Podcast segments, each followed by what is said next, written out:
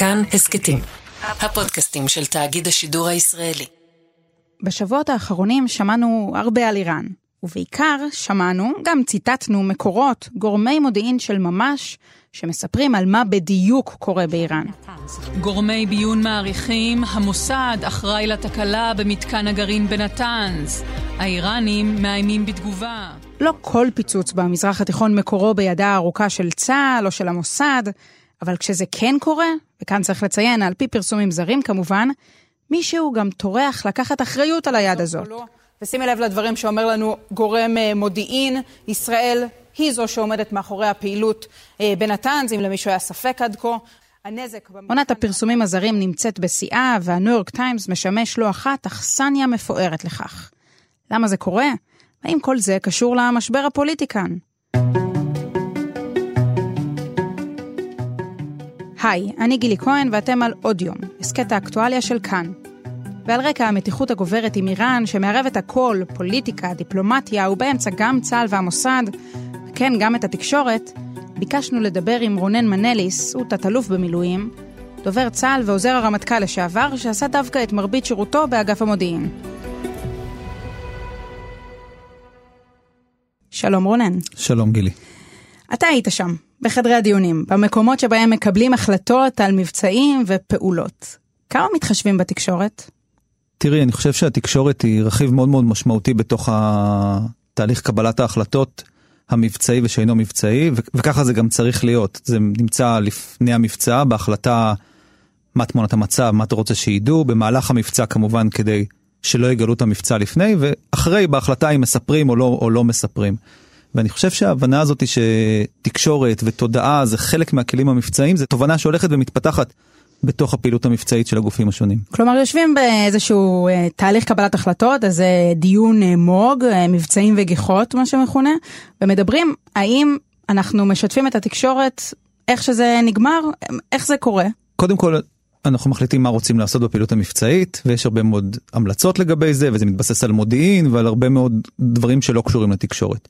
אני חושב שדווקא בגלל השינויים שחלים בעולם התקשורת, ההבנה שאין דבר כזה פעילות מבצעית בלי להתייחס להיבטים של מה ידעו עליה אחרי או איך לא ידעו עליה לפני. ולכן עולים הרבה מאוד רעיונות למה אנחנו רוצים לספר, האם אנחנו רוצים לספר, האם אנחנו רוצים לצאת ממרחב העמימות, איך אנחנו רוצים לצאת, האם משתמשים בתקשורת ישראלית, האם בתקשורת זרה.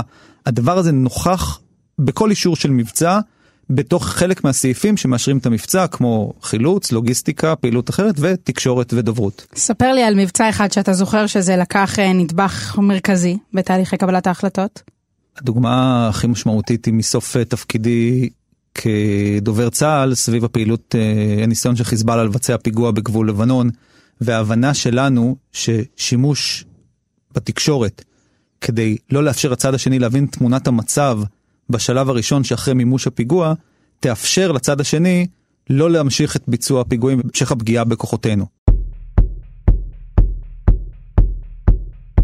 ראשון לספטמבר 2019, חיזבאללה יורה טיל נ"ט באזור אה, אה, אביבים לעבר אה, כלי סיור של צה"ל, הוא מחטיא, אה, ואנחנו מייצרים תמונת מצב לצד השני שהוא לא יכול להבין האם הוא פגע ובכמה, להפך אפילו אנחנו מייצרים תחושה כאילו הוא כן פגע. חילופי אש בגבול הצפון. חיזבאללה ירה בשעה האחרונה טילים נגד טנקים אל בסיס צה"ל ליד מושב אביבים ואל כלי רכב צבאיים. צה"ל מאשר כי נורו טילים נגד טנקים ואומר כי היו כמה פגיעות. מגיע מסוק לאזור, מפנה פצועי דמה, עד כדי כך ממש מביימים אירוע? ממש מביימים אירוע מראש, מבינים שיהיה פצועים שהם יהיו פצועי דמה, הם יעלו על מסוק, המסוק הזה יטוס לבית חולים רמב"ם, יפרוק את הפצועים. מאפרים אותם? עד, עד לאן זה מגיע בתסריט הזה? במקרה הספציפי הזה זה מגיע עד כדי איפור ותחושה כדי שאם יצלמו אותם, אז אף אחד לא יחשוב שעובדים עליהם ויחשבו שזה פצועים. צריך להגיד באותה נשימה שאנחנו מול התקשורת הישראלית לא אומרים שיש לנו נפגעים, לא מייצרים מצג שווא של זה, אנחנו אומרים אנחנו נמסור את הפרטים בהמשך, כשההבנה שלנו שיש פה שעתיים שלוש, אנחנו רוצים שנסראללה יהיה באי ודאות. ואת רואה במבצע, שהוא בהיבט, בהיבט הזה מבצע הגנתי, כי הוא מול תגובה של פעילות האויב, איך את מנסה למנוע מהצד השני להבין את תמונת המצב השלמה, דווקא בעולם הזה של התקשורת והדיגיטל והרבה מאוד ידיעות. אפשר לקחת לך דוגמה אחרת. כשאת משתמשת בתקשורת בשביל לחשוף פעילות אויב. נגיד לספר על אותה חוליה שנקראת תיק הגולן במרחב אה, סוריה, יש לך סל כלים מה לעשות מולם, את יכולה אה, לפעול מולם, את יכולה לפגוע בהם, את יכולה רק להגן, את יכולה לחשוף אותם. בעצם ההחלטה לחשוף את הפעילים האלה בתקשורת, מיד גורמת להם לתחושה של נרדפות, שינוי במאפייני הפעילות שלהם, התנהגות אחרת מאשר מה שהם התנהגו בה קודם בחופש הפעולה לפני שהם נחשפו והעולם ירדה המסכה וראה אותם. והנה התקשורת היא כלי שלמעשה מונע פעולה של האויב. יש הרבה ביקורת על כך שגורמים מסוימים אה, מדברים. איך בצבא התייחסו לזה שאולי קצת הגזמנו בנטייה לדבר על מבצעים, על פעולות? תראי, זה מסוג הנושאים שאני חושב שלא נכון לקבוע בו שחור ולבן. כי מצד אחד אפשר להגיד שהישארות במרחב העמימות ולא לאפשר לאויב לדעת אה, מה קרה ומי ביצע את הפעולה, משרתת אותנו, כי היא בעצם מאפשרת לו לא להיות חייב להגיב, כי הוא יכול לטעון שזה לא קרה. מצד שני, בעולם של מהפכת המידע, שהכל מצולם, הכל בחוץ, כולם יודעים כל הזמן מה קורה ואיך קורה, אז להגיד שאתה יכול לחיות בעולם שבו אין שום מידע בחוץ, הוא גם בעייתי. ולכן בתוך התמונה הזאת, ההחלטה, בתוך תהליך קבלת ההחלטות, האם אתה מספר, כמה אתה מספר, למי אתה מספר, היא חלק מהכלים שיש לך בתוך אותו תהליך.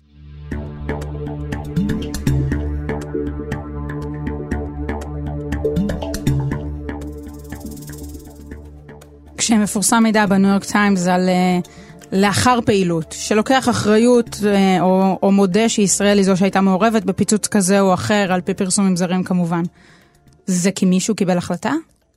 יש פעמים שכן, ואז זה המצב המצוין, כשמדינת ישראל החליטה שהיא רוצה שידעו שהיא עשתה את זה. למשל, כשמדינת ישראל מגיבה, או מגיבה בעקבות פיגוע שבוצע נגדה, היא רוצה שידעו שהיא לא מוכנה לסבול פיגועים, ולכן היא נוטלת אחריות באופן רשמי. זה מצב אחד. מצב שני, שמדינת ישראל מבצעת מבצע מ"מ ולא רוצה בכלל שידעו עליו. מ"מ, רק נגיד למי שלא יודע, זה מבצע, מבצעים מיוחדים. סוד כמוס ביותר. סוד כמוס ביותר, זה יכול להיות בעולמות הסייבר, יכול להיות בעולמות התקפיים, יכול להיות בעולמות שמישהו בסוף לא חוזר הביתה בחיים מה, מהיריב, אבל זה עדיין מבצע מיוחד בתוך אותה משפחה. ובמצב הזה אתה לא רוצה שאנשים ידעו. עד כל... שלפעמים אתה כן רוצה שאנשים ידעו. אז פה בדיוק מתחיל הסיפור. זאת אומרת, אני, אני אומר שבמידה ובמסגרת אותו מוג, אותו תהליך של אישור המבצע, החלטת שאתה רוצה שידעו, והחלטת באיזה דרך, הניו יורק טיימס הוא כלי לגיטימי. אתה דרך תקשורת זרה, לא בדיוק יודעים שזה אתה, וזה ממש בסדר. לפעמים נוצרת התחושה שזה לא המצב, שזה לא תוכנן, אלא שהתחילו הדלפות וסיפורים ממניעים כאלה ואחרים, ואז מבחינתי מתחילה הבעיה. כי אם זה אירוע מנוהל תקשורתית ומנוהל תודעתית, והוא חלק מהרכיבים המבצעיים, אז הכל טוב ויפה.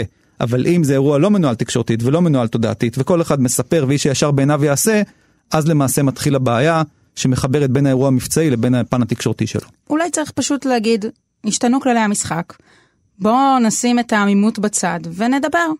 הרי זה משרת מישהו בסוף. אז תראי, אני שומע את הקול הזה גם בימים האחרונים סביב הפרסומים על פעילות באיראן כזאת או אחרת, שבעצם אומרת, מה, למה אתם בכלל מטיפים על פטפטת או על, על uh, עיסוק בתקשורתי? זה החיים, תתמודדו. אז אחד, אנחנו רואים גם דרכים אחרות, אנחנו רואים פעילויות שלא מלוות בפטפטת הזאת.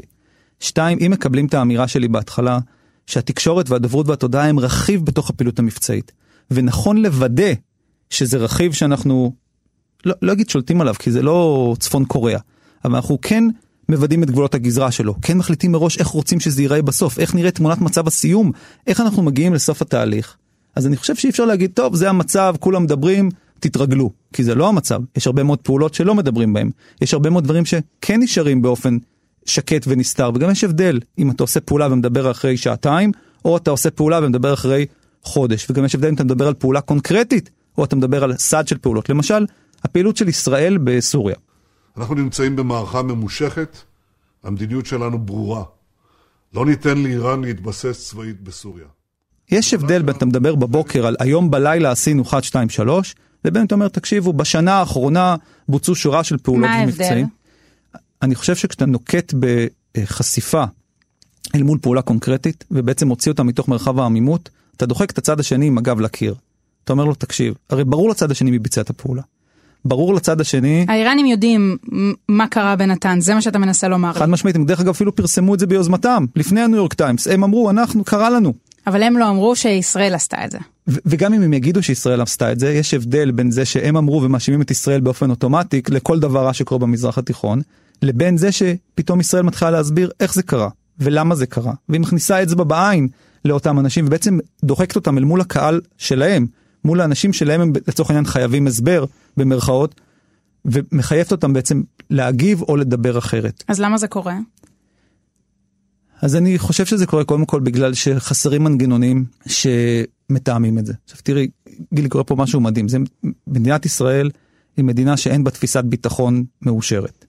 מעבר לתפיסת הביטחון המאושרת, אבל מנהלי, זה נכון עשרות שנים. חד משמעית, אז מה השתנה עכשיו? הרכיב השני, ב- למרות שאין תפיסת ביטחון מסודרת שאני חושב שצריכה להיות, צריכה להיות גם מדיניות ביטחון מאושרת ומתואמת בין המנגנונים השונים, שמתבססת קודם כל על הפורום שקובע את אותה מדיניות, הקבינט המדיני-ביטחוני, ועל גופים שבעצם מוצאים אותו לפועל. במילים אחרות אתה רוצה לומר לי, יש ברדק, ויש מישהו שמנצל את הברדק הזה. במילים אחרות אני רוצה להגיד שבשנתיים האחרונות, חלק מהמנגנונים שמאפשרים פעילות תקינה של אותה מערכת, שברור שיש בה גישות שונות ומחשבות שונות וכיווני פעולה שונים ויכולות שונות, חלק מהמנגנונים האלה לא מתפקדים באופן שהיינו מורגלים אליו. למשל, כמות המפגשים של הקבינט המדיני-ביטחוני והעיסוק שלהם באותם אירועים. למשל, מטה ההסברה הלאומי, שהוא הגוף שאמור לתאם בין, בין אותם גופים בהיבט התקשורתי-תודעתי. וראינו שהוא יודע לעשות את זה. כשהיה נגיד מבצע מגן צפוני, אותם מנהרות שחיזבאללה בנה משטח לבנון לשטח ישראל וצה"ל חושף אותם בסוף 2018, תחילת 2019. כלים כבדים של צה"ל המשיכו זה היום השני בחשיפת מנהרות חיזבאללה בגבול לבנון. היום התברר שצה"ל עקב במשך שנתיים וחצי אחר התקדמות העבודה, תוך מידור מושלם. ראינו איך כלל גופי הביטחון שמשותפים בזה, צה"ל, מוסד, שב"כ, משרד החוץ, משרד הביטחון, מתואמים תחת אותו קו של דוברות, תודעה והסברה. והקו הזה לא קיים היום כי אין גוף שמנהל אותו.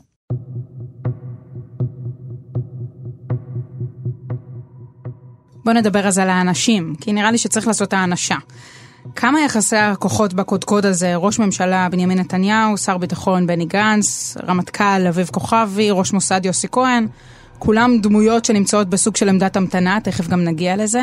כמה יחסי הכוחות כאן משפיעים? אני אוהב להגיד, והייתי מאוד קרוב למקומות האלה, שיש למעשה שני משולשים בביטחון הלאומי של ישראל, שהם קודש הקודשים. המשולש הראשון הוא רמטכ"ל, ראש מוסד, ראש שב"כ.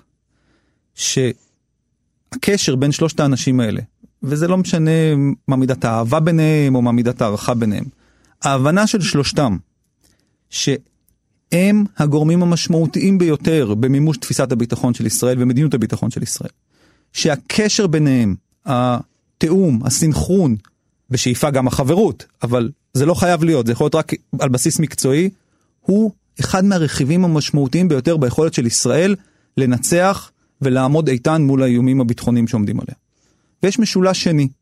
המשולש הזה כולל את ראש הממשלה, שר הביטחון, ואני אומר הרמטכ"ל כי יש לו משהו אחר בתוך אותם זרועות ביטחון, יש, בסוף לצבא יש עליונות וגם הרבה יותר אתגרים והרבה יותר גבולות להגן עליהם והרבה יותר מבצעים יומיומיים, אבל זה יכול להיות שלושתם, זאת אומרת ראשי זרועות הביטחון. שני המשולשים האלה צריכים לפעול בסנרגיה ובתיאום מיטבי. אבל לפי הפרסומים אה, בחודשים האחרונים בתקשורת זה ממש לא כך. אז תראי, אני, אני לא נמצא שם בחודשים האחרונים בשביל להגיד מה קורה בתוך אבל החדר. אתה קורא תקשורת. אני קורא תקשורת ואני גם נוטה להעריך שחלק מהדברים שמפורסמים יכול להיות שיש בהם איזשהו בסיס של אמינות. מבחינתי לא יעלה על הדעת שיש שיקול שהוא לא שיקול ביטחוני שמניע פעילות מבצעית כלשהי של מדינת ישראל. זה קל להסכים. אבל השאלה מה קורה אחרי הפעילות המבצעית. האם כל העיסוק סביב איך הגבנו ומה נגיב ומה נעשה בעתיד, האם זה מושפע ממשולש הכוחות הזה? זה בוודאי מושפע מהמצב, זה מושפע מזה שכמו שאמרתי קודם, אין מנגנונים ולא מתקיים דיון, הרי תראי, למשל אפשר להגיד שחלק מהפעולות שבוצעו ומיוחסות לישראל, אם ישראל ביצעה אותם, הם על בסיס הרשאה שהקבינט נתן ולא צריך לחזור אליו. זה נכון. רק שמצד שני תמונת המצב משתנה אחרי שהם קורים. צריך לראות איך חוזרים לעדכן, איך מבינים מה קרה, מה חדש, זה לא יכול להתנהל בלי דיונים שבועיים.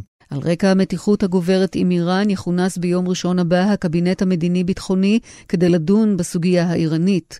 כתבנו עמיחי שטיין מוסר כי הקבינט לא כונס במשך כחודשיים. עכשיו יצא לי להיות בממשלה האחרונה במשך מספר חודשים אה, מנכ"ל משרד ממשלתי. והקבינט התכנס אחת למספר חודשים, הוא לא התכנס אחת למספר ימים כמו שהוא אמור להיות כשהאתגרים הביטחוניים קיימים פה בכל מקום ולכן יכול להיות שבגלל שהמנגנון לא מתנהל כמו שהוא צריך להתנהל, יש גם שיקולים אחרים. שוב, אני מכיר את האנשים, אני חושב שביטחון ישראל עומד לנגד עיניהם ואני מקווה שאין שום שיקול אחר. אבל תקחי לדוגמה את העובדה, התחלפו שלושה שרי ביטחון בשנתיים האחרונות. אנחנו יכול להיות עומדים לפני הרביעי. חלק מהאנשים לא יודעים מה עתידם. ויכול להיות שזה משפיע להם על, שוב, אני לא חושב שזה משפיע על שיקול הדעת שלהם, אבל זה בוודאי משפיע על המצב האישי שלהם. הם רוצים להיות, לדעת לאן הם ממשיכים, למשל שנה רביעית לרמטכ"ל, שנדרש להאריך לו אותה כמעט באופן אוטומטי וזה לא קורה. אה, רק נגיד למי ש... שלא יודע שכהונת הרמטכ"ל קצובה לשלוש שנים, אבל כמעט באופן אוטומטי היא מוארכת לארבע, וכשזה לא קורה, ובטח כשאנחנו מתקרבים לקראת סוף השנה השלישית של הרמטכ"ל אביב כוכבי, אתה היית שם, אתה יודע, זה יוצר קצת מתח. אני מעריך שהרמטכ"ל, שנדרש להאריך לו שנה רביעית, זה כמעט ברור, הוא עושה תפקיד, הוא מגן על, באופן מוצלח על גבולותיה של מדינת ישראל, וכשזה לא קורה, אני מאמין שזה מעסיק אותו באיזשהו מקום, זה משהו שיושב לו על הלב או על הראש. אני שוב חושב, ומהיכרותי עם האנשים, אני די בטוח, אני לא חושב שזה גורם לו לעשות יותר או פחות מבצעים, או להחליט שהמבצע יהיה בעצימות כזאת או בעצימות כזאת, או חלילה לאפשר לדברר או לא לדברר פעילות כזאת או אחרת. אבל זה נמצא שם. והדבר הזה שראש שב"כ מאריכים לו קדנציה מספר ימים לפני שהוא אמור לסיים אותם, והוא לא יודע כמה זמן הוא הולך להישאר, אה, וראש המוסד, גם ההחלפה שלו לא קורית כמו שהיא אמורה לקרות, והרמטכ"ל לא יודע מה זה, מן הסתם משפיע עליהם, אבל שוב, אני בראייתי חושב שהם שלושתם מקצועני-על ושמים קו בין הדברים, ה... לא, לא יודע אם זה אישיים, כי זה בסוף גם לאומי, אבל בין הדברים האלה לבין הפעילות המבצעית. אבל מנליס, בסופו של דבר אני חושבת שמי שמכיר איך המקומות האלה עובדים, יגיד לך שזה תחרות בין הילדים, ויש תמיד את הילד המועדף. ואולי בשנה, שנתיים האחרונות, התהפך העולם על יוצרו, וצה"ל הוא כבר לא הילד המועדף של הביבי הזה, אלא המוסד. אז אני מציע להסתכל על זה אחרת. אני מציע להגיד שהאיומים הביטחוניים על ישראל הם כאלה שכבר אין חלוקה של גבולות גזרה ברורים בהכרח בין הארגונים. והיום כשיש איומים במרחב הקיברנטי, סייבר, או איומים אה, ימיים, או איומים אוויריים, או איומים ממדינות שהן מעגל שלישי, כמו איראן, אז נדרש יותר שיתוף פעולה ולהביא כלים של כל אחד מהארגונים האלה לתוך השולחן. אף אחד מהארגונים האלה לא יכול לפעול בלי הארגון האחר. הם כולם מבוססים אחד על השני, כולם עובדים ביחד. זה יכול להיות במודיעין משותף, יכול להיות בניצול של יכולות של אחד הארגונים לטובת הארגונים האחרים. אני לא חושב שהם עוסקים במי הילד המועדף, אלא עוסקים באיך עושים ביטחון יותר טוב. אני כן רוצה להגיד שאנחנו לא המצאנו שום דבר בשבועיים שלושה האחרונים. זאת אומרת, הפעילות במעגל שלישי נגד הגרעין האיראני ונגד ההגמוניה שלהם הייתה כבר אצל מספר ראשי מוסד. והפעילות נגד ההגמוניה האיראנית וההתבססות שלה במרחב סוריה הייתה אצל מספר רמטכ"לים. והפעילות נגד הטרור הפלסטיני הייתה אצל מספר ראשי שב"כ. אז זה הכל עניין של מיתוג? אני חושב שזה הכל עניין של העובדה שבשנתיים האחרונות אין מסגרות שהן קבועות וממסללות את הפעילות הזאת כמו שהיה קודם. איש הישר בעיניו יעשה. זה החשש שלי, אני, אני מקווה כל הזמן שזה לא נכון, אבל התחושה שקיימת היא שבחלק מהדברים, בחלק מהרכיבים שמלווים את הפעילות המבצעית, בסוף פעילות מבצעית מאושרת וראש הממשלה מאשר אותה, ואני מאמין שלנגד עיניו עומד ביטחון ישראל ושר הביטחון מאשר אותה. בחלק מהדברים התחושה היא שזה לא מנוהל, ודרך אגב זה לא יכול להיות מנוהל, כי אין מנגנון שינהל את זה, אומרים לי לפעמים איפה אתה יודע שזה לא מנוהל? זה לא מנוהל כי אין מישהו שמנהל את זה, זה לא יכול להיות אותו בן אדם עושה את כל התפקידים, חייב להיות אנשים שעושים תפקידים נוספים.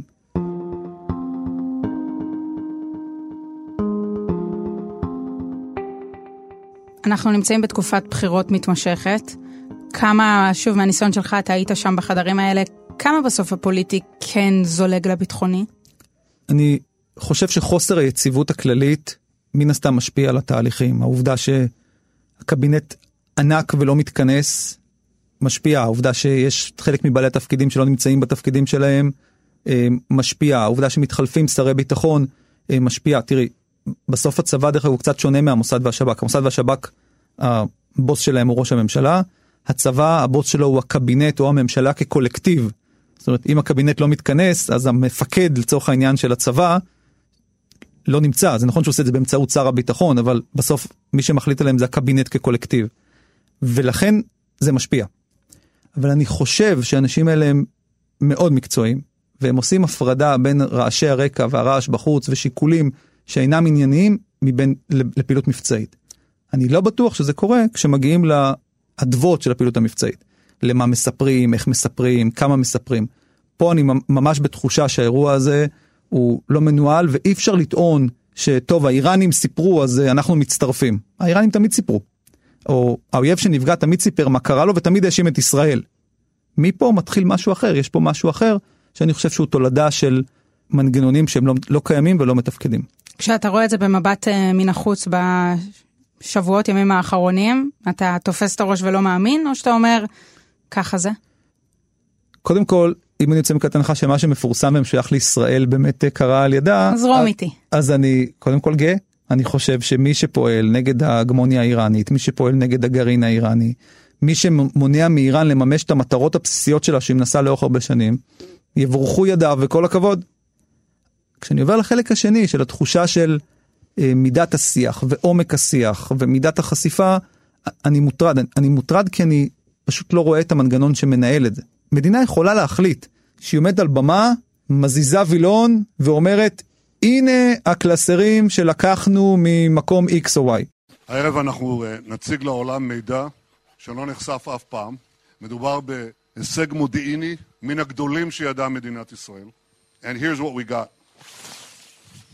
55,000 pages, another 55,000 files. גם דרך אגב יכול להיות שיש בזה תועלת, יש בזה תועלת של הרתעה, של האדרה, של יצירת תחושת חדירות בצד השני, אני יכול למצוא המון רכיבים שזה משרת אותם. אבל יש גם המון רכיבים שזה לא משרת אותם. כמו יציאה ממרחב העמימות, תחושת יצירת הצורך בתגובה בצד השני, הלחץ הבינלאומי, החשיפה הבינלאומית, הרבה מאוד דברים אחרים. ואני מתרשם שהערכת המצב הזאתי לא התקיימה סביב האירוע הזה. ופעם שאלתי, איך אתה יודע, אתה לא שם. סתם עובדתית, לא היה קבינט, אז איך הייתה הערכת מצב? הרי החדר הזה שנכנסים אליו, קודש הקודשים, שסוגרים את הדלת, כל אחד אומר מה שהוא רוצה. כל אחד משמיע את דעתו האחרת. לא כולם חושבים אותו דבר, החדר הזה לא יתכנס. אז ברור שאין מנגנון. גילי, את היית, אה, ראית את אה, סביב מבצע מגן צפוני, כבר הזכרתי אותו קודם, אבל כשהולכת מבצע מגן צפוני, והרמטכ"ל איזנקוט בוחר להביא אנשים במטה הכללי שחושבים אחרת על המבצע. למשל, רח"ט מחקר דרור שלום. הוא אומר לו, בוא, תשמיע לקבינט את דעתך השונה משלי. כי בסוף הקבינט הוא הגורם, המפקד העליון של הצבא כקולקטיב. והדבר הזה לא התבצע פעם כי לא התכנס הקבינט, אז ברור שהחדר הזה לא קרה. ויכול להיות שאנשים שחושבים אחרת ודעתם לא נשמעה במקומות שבהם היא צריכה להישמע. אבל אני תוהה אם בסוף זה עניין uh, סמי בירוקרטי, נכנס את הקבינט, נדון בפר, בפרטי המבצע ונמשיך הלאה, או שיש פה משהו עמוק יותר. אני חושב שיש פה משהו עמוק יותר שקשור קודם כל להיעדרה של תפיסת ביטחון ומדיניות ביטחון בתוקף. הרי מעבר לתפיסה צריך להיות גם מדיניות. מה מדינת ישראל רוצה להשיג מול הגרעין האיראני? מהם הכלים ואיך מגיעים למימוש הכלים האלה. הדיון הזה צריך להתקיים, צריך להתקיים בקבינט. עכשיו, אחד הדברים שנתקלתי בהם כעוזר המטכ"ל זה הצורך לייצר ידע אצל השרים, הרי לא כל השרים נמצאים 20 שנה בקבינט, יש גם שרים כאלה, דרך אגב, וברור, מרגישים כשהם נכנסים לחדר שיש להם ניסיון של 20 שנה. אבל לא כולם היו 20 שנה. והתהליך הזה של לייצר ידע, ללמד אותם, להסביר את היכולות, להכיר את הצבא, הוא תהליך סיזיפי שנמשך תקופה ארוכה, אבל הוא לא מתקיים כשממשלות מתחלפות באופן תכוף, או ששרים מתחלפים, או שלא ברור מי הם החברים הקבועים ומי הם לא החברים הקבועים, והפורום הזה לא מתכנס. כשאתה שומע בתקשורת לפי פרסומים זרים, מה אתה חושב? תראה, יש פה שתי שאלות. השאלה הראשונה על תפקיד הצנזורה אה, והתאמה שלה לישראל במאה ה-21 ולשינויים בעולם התקשורת, כי הרי למה אני אומר את זה? נסביר למאזינים, לפעמים זה מתודולוגיה שעיתונאים משתמשים בה, מתפרסם משהו בניו יורק טיימס, ומאותו רגע אפשר להגיד על פי פרסומים זרים ובעצם לספר את הסיפור איך שרוצים. פה אני חושב שזה מחייב ברור.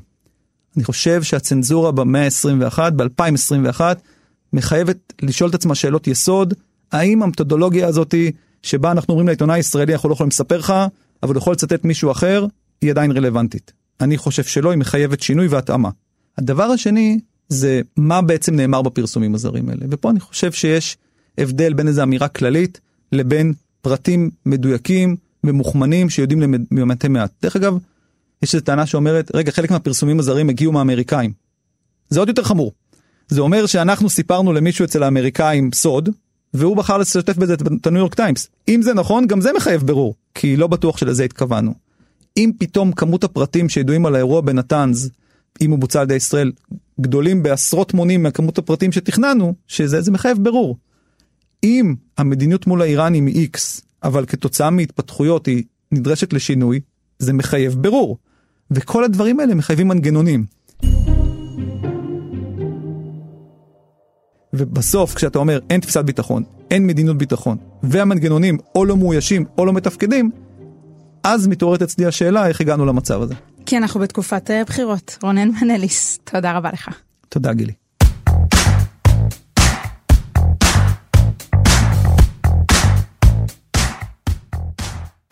האזנתם לפרק של עוד יום, ערך אותו דניאל אופיר. עיצוב פסקול ירדן מרציאנו. טכנאי דרור רוטשטיין. הביא לשידור אבי שמאי. אם היה לכם מעניין או יש לכם הערות על מה שאמרנו, אתם מוזמנים ומוזמנות לכתוב בקבוצת הפודקאסטים שלנו, כאן הסכתים. תוכלו לכתוב גם בדף של כאן חדשות בפייסבוק או בחשבון שלי גילי כהן בפייסבוק או בטוויטר. עדיף בטוויטר. אם תשתפו את הפרק עם עוד אנשים, זה בכלל יהיה מצוין. הסכתים נוספים מבית כאן חדשות תוכלו למצוא באפליקציית הפודקאסטים האהובה עליכם, באתר שלנו וגם בספוטיפיי. יש לנו גם יישומון לרכב חדש. עשו אותנו גם שם. אני גילי כהן, נשתמע.